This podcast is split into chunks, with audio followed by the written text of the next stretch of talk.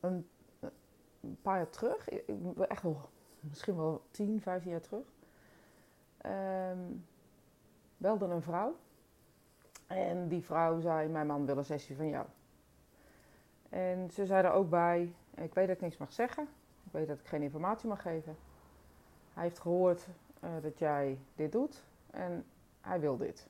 Nou ja, op zich denk je dan altijd, uh, waarom belt hij dan zelf niet? Maar goed, uh, dat liet ik in het midden.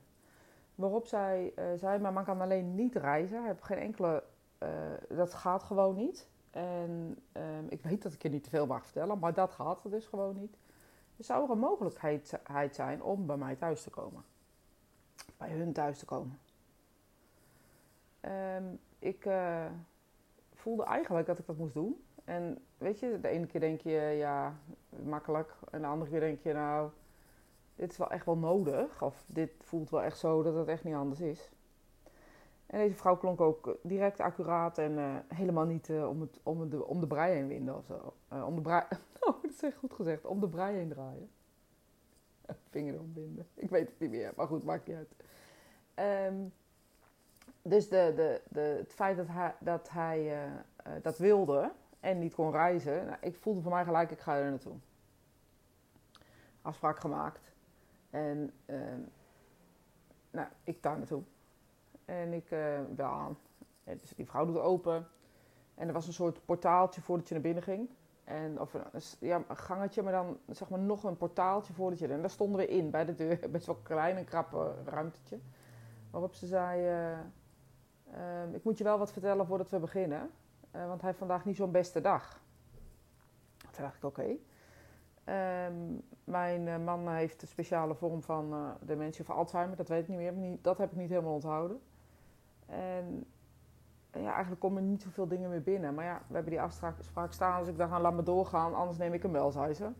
Um, als het echt niet gaat. Maar ja, ik zei, nou, weet je, uit ervaring weet ik dat het nog wel eens wil dat dan een soort opleefmoment is. Nou, daar was ze eigenlijk vrij sceptisch over. En uh, mocht je denken, wat hoor ik op de achtergrond? Ik zit dus buiten deze podcast op te nemen. Dus het, je hoort geluiden van buiten. Je hoort dus ook een auto voorbij komen, dat terzijde. toen toen um, um, zei zij dus van, hij een speciale vorm van dementie. Nou, ik zou van, ja, het zou dus kunnen dat ik op welke manier dan ook um, best wel contact met hem kan maken of op een bepaalde manier uh, tot hem door kan dringen. En hij uh, uh, ging zitten. En keek me eigenlijk heel glazig aan met een blik alsof ik uit, net uit de hemel was komen vallen of zo, weet ik wat, een of andere alien. En heel wazig en glazig. En um, ik begin eigenlijk eh, te vertellen tegen hem: Ik denk, ik probeer het gewoon. Luister, je mag me geen informatie geven. Uh, als je het begrijpt, knik of schud of zeg ja of nee of wat dan ook. Ik dacht, weet je, ja nee zeggen is misschien niet aan de orde, maar misschien kan ik wat tot hem doordringen. En uh, zijn vrouw, ik zag al naar haar gezicht, zij zag het echt helemaal niet zitten. Ze dacht, nou, dat wordt echt helemaal niks. Um, en ik ben toch begonnen en doorgegaan. En binnen de eerste twee, drie zinnen die ik maakte en ik voelde de spirituele wereld, zag ik zijn ogen lichter worden, helderder worden. En keek hij me aan en hadden we een gewone sessie van een half uur. Alsof je met iedereen een sessie. Hij zei gewoon ja, hij zei gewoon nee, hij was heel erg ontroerd. Um, als ik me goed herinner, uh, was dat zijn dochter in de spirituele wereld, kwam zijn moeder um, en een vriend van hem. Volgens mij was het zoiets. En alle drie kwamen met een boodschap en te vertellen dat ze bij hem zijn en dat ze uh, er voor hem zijn. En ik voelde ook wel uh, dat, dat hij ze heel dichtbij voelde of zo. Dus dat dat met dementie en de, eh, of de Alzheimer, ik weet niet meer precies wat het was, met zich meenam. Dus dat hij zeg maar meer open was voor deze wereld. Dus die sluier die wij, die wij, die ons blokkeert om daar te kijken, was voor hem opgetild. Net als hij er al met één been stond of zo. En um, dus hij heel natuurlijk. En hij gaf ook op een gegeven moment nog een foto laten van zijn dochter. En uh, wilde die laten zien. En, en een, de, volgens mij ook zelf nog de rouwkaart pakte die. Want ik schijn een gedichtje of zo opgelezen te hebben. Of verteld te hebben. Of iets dergelijks wat op die rouwkaart staat. Wilde die me laten zien. En toen waren we ongeveer drie kwartier verder. En toen zei ik van, nou ja, volgens mij is de sessie wel over. Heb je nog vragen?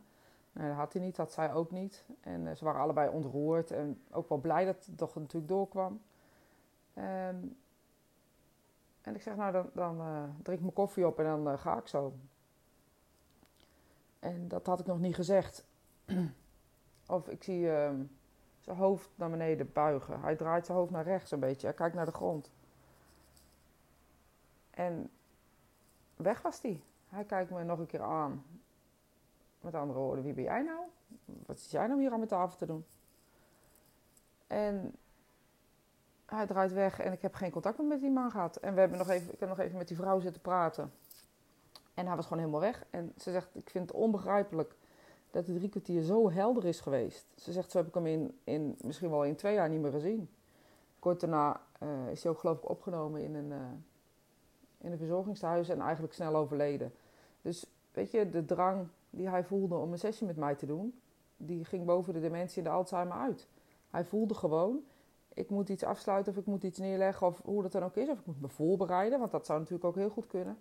Uh, voor een wereld die voor mij nog een beetje onbekend is.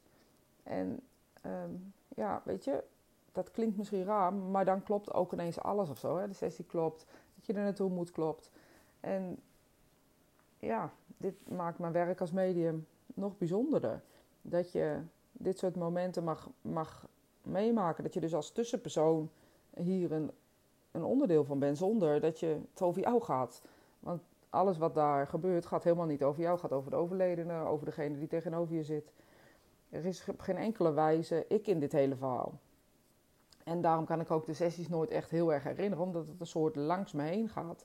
Langs mijn hoofd heen gaat of zo. Langs wie ik echt ben. Of wie ik ben. Want ik denk namelijk dat je echt bent wie je bent.